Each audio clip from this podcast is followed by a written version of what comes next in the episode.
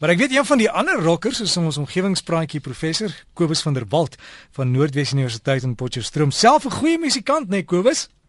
Derek, nee, dit sal ek nou nie sê nie, maar na daai lekker musiek dink ek almal is nou lekker wakker om te hoor wat ek wil sê vanoggend.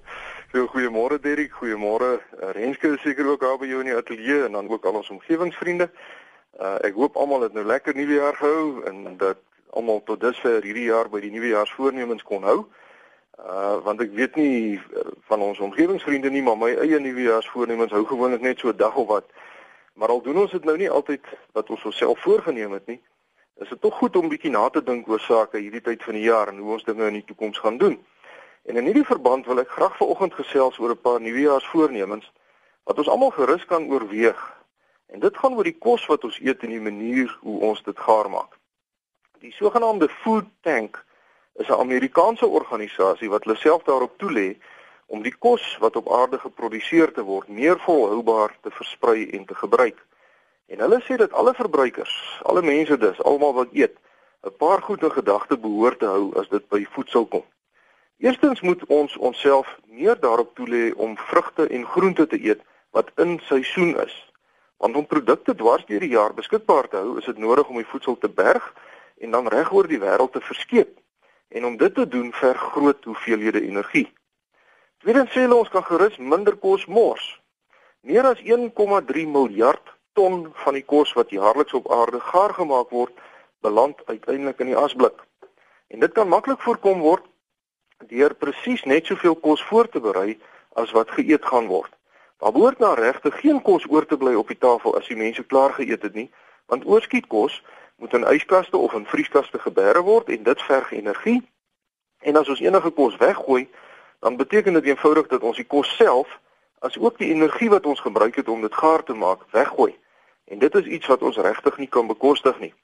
En veral in my kultuur, uh, van kleins af, moet daar altyd ietsie in die bakke oorbly op die tafel. Jy weet, dis as asof die gasvrou ehm um, dit dit as 'n skande beskou as as die bakke leeg is as almal klaar geëet het. En dit is eintlik hoe dit moet wees. In die derde plek sê die food tank, is dit noodsaaklik dat ons gesonder begin eet en gesonder begin lewe. Oorgewig en obesiteit is 100% voorkombaar. Maar ten spyte daarvan is omtrent 1 uit elke 20 mense op aarde oorgewig. En ek was nou die afgelope vakansie bietjie by die see en regtig die meeste mense op die strand en veral jong mense uh, is oorgewig en dis vir my verstommend. Jong mense behoort nie 'n swempie te hê van oorgewig nie. En as dan 'n paar manne wat soos my broer Wessel dit sal stel, lyk of hulle lugsakke ontplooi het, so groot is daai pense wat hulle saamsleep. Nou daar's reeds iets soos 'n belasting wat op motors gehef word wat oneffektief is met betrekking tot brandstofverbruik. En ek dink dat presies dieselfde tipe eh, tipe ding gedoen kan word as dit kom by voedselsoorte wat ongesond is. Natuurlik sal so 'n stap nou baie deeglike navorsing verg voordat dit geïmplementeer moet word. Want meneer Kobus Els van Pretoria het vir my 'n klompie inligting gestuur oor watter tipe dieet nou eintlik gesond is. Uh 'n lae vet, hoë koolhidraat dieet of 'n hoë vet, lae koolhidraat dieet. En dit lyk my asof daar sterk uiteenlopende menings is hieroor soos ons nou tans in die media lees. Maar daar is tog sekere tipes kos wat bewese is dat dit aanleiding gee tot obesiteit en 'n hele spul siekte toestande wat met sekere tipes kos gepaard gaan. En daardie tipe voedselsoorte behoort aan my mening belas te word om die gebruik daarvan te ontmoedig. Advertensies vir gemorskos of ongesonde koeldranke wat op kinders gemik is, behoort heeltemal verbied te word. In die vierde plek kan ons almal maar gerus meer bewus raak van inheemse tipes voedsel en ons eie Suid-Afrikaanse kossoorte. Ehm um, en en die goed wat dan ook plaaslik verbou word, uh, behoort ons te leer ken en dit te leer eet. Die Verenigde Nasies se Voedsel- en Landbouorganisasie berig dat 3 kwart van die aarde se genetiese hulpbronne of dan 3 kwart van die biodiversiteit oor die afgelope eeu verdwyn het. En tendense wys dat 'n verdere derde van die oorblywende plante op aarde teen 2005 ook gaan verdwyn. As verbruikers aandring op 'n meer diverse en inheemse dieet, dan sal hierdie grootskaalse uitsterwing van spesies teengewerk kan word. In die vyfde plek Weet ons almal teen hierdie tyd dat dit 'n baie goeie idee is om 'n groentetuin te hê of om dan ten minste organiese voedselsoorte te koop as 'n mens dit dan nie self kan kweek nie. 'n Navorsingswerkgroep in Amerika het bevind dat daar oorblyfsels van insekdoders in 67% van alle vrugte en groentes aangetref word. Met ander woorde, in 2/3 van die goed wat 'n mens koop in Amerika is daar oorblysels van insekdoders.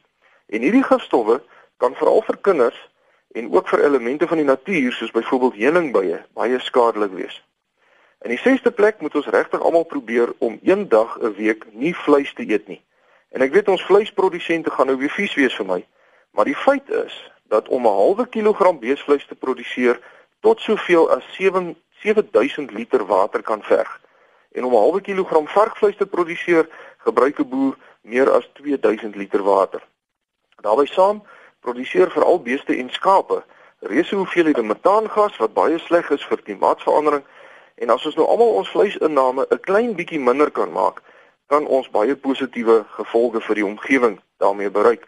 En in hierdie verband het meneer PW de Jager van Centurion vir my 'n interessante berig aangestuur oor verskillende soorte vee se invloed op die omgewing. En dit wys duidelik dat beeste by verre die groot sondebokke is, want beeste produseer 77% van al die metaangas wat deur veeteelt in ons atmosfeer vrygestel word. Teenoor varke en hoenders se gesamentlike bydrae van slegs omtrent 10%. Nou die artikel sê niks oor skape se bydrae nie en ek weet skape is 'n probleem veral in Amerika ag in in in Australië en in Nieu-Seeland. Maar as ons 'n gedagte hou dat 'n kilogram hoendervleis se koolstofvoetspoor 3,7 kg koolstofdioksied is, 'n kilogram varkvleis is 24 kg koolstofdioksied en ons vergelyk dit met 'n kilogram beesvleis se koolstofvoetspoor van enigiets tussen 58 tot 1000 kg koolstofdioksied vir elke kilogram beesvleis wat geproduseer word, dan lyk dit vir my asof ons nie net een dag 'n week moet probeer om geen vleis te eet nie, maar dit is ook duidelik dat die keuse van watter tipe vleis ons eet ook 'n beduidende invloed op die omgewing kan hê.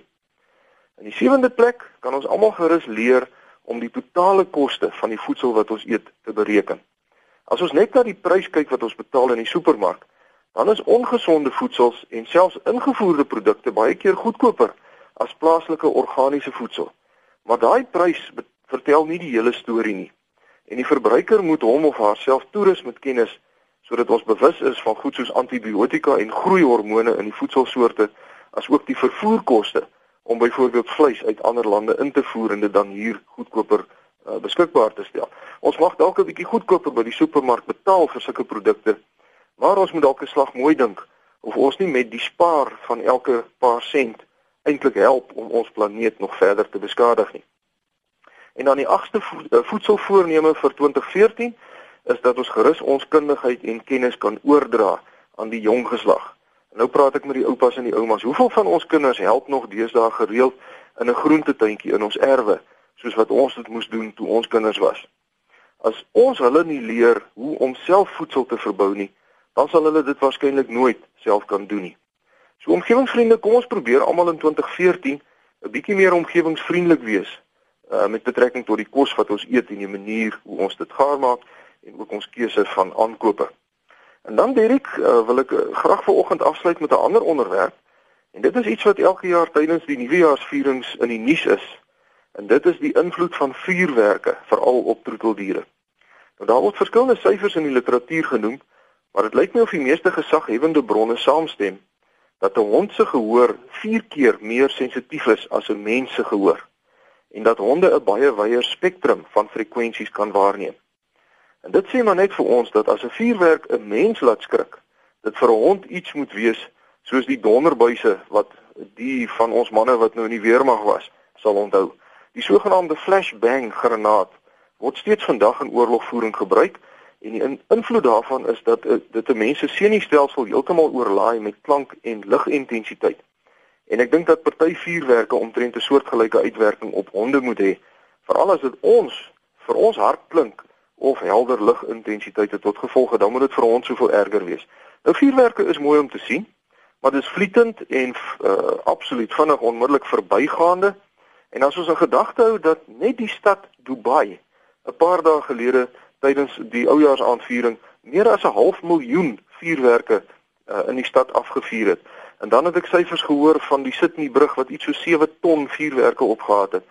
Dan wonder ek of die vuurwerkindustrie al enigstens uh, enigstens gewonder het oor hulle koolstofvoetspoor en al die ander besoedeling wat hulle veroorsaak.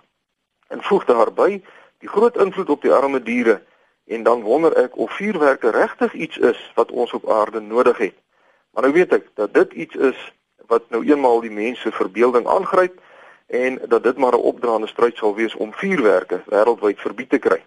Maar ek dink egter dat die mens vroeër of later wel gedwing sal word om hierdie tipe besluite te oorweeg na mate ons planeet se toestand versleg. En direk daarmee sluit ek ver oggend af. Ons omgewingsvriende is welkom om vir my te skryf. My rekenaaradres is kobus.vanderwalt@nwu.ac.za of u kan my kry by die fakulteit Natuurwetenskappe Noordwes Universiteit, Potchefstroom 2520. Vriendelike groete tot 'n volgende keer. Kobus, dankie en uh, terwyl ons nou sommer so op lyn is, ook voorspoed vir jou vir 2014 en hoop dit sal wonderlike jaar wees. Baie dankie Derrick, dieselfde vir jou en Renske al die ander uh eh, RSG personeel en dan ook vir al ons omgewingsvriende. So gesels ons met Kobus van der Walt, daai e-posadres is kobus met 'n k, kobus en dan 'n punt en dan die van van der Walt wat jy aan mekaar skryf. So dis kobus.vanderwalt by nwu.ac.za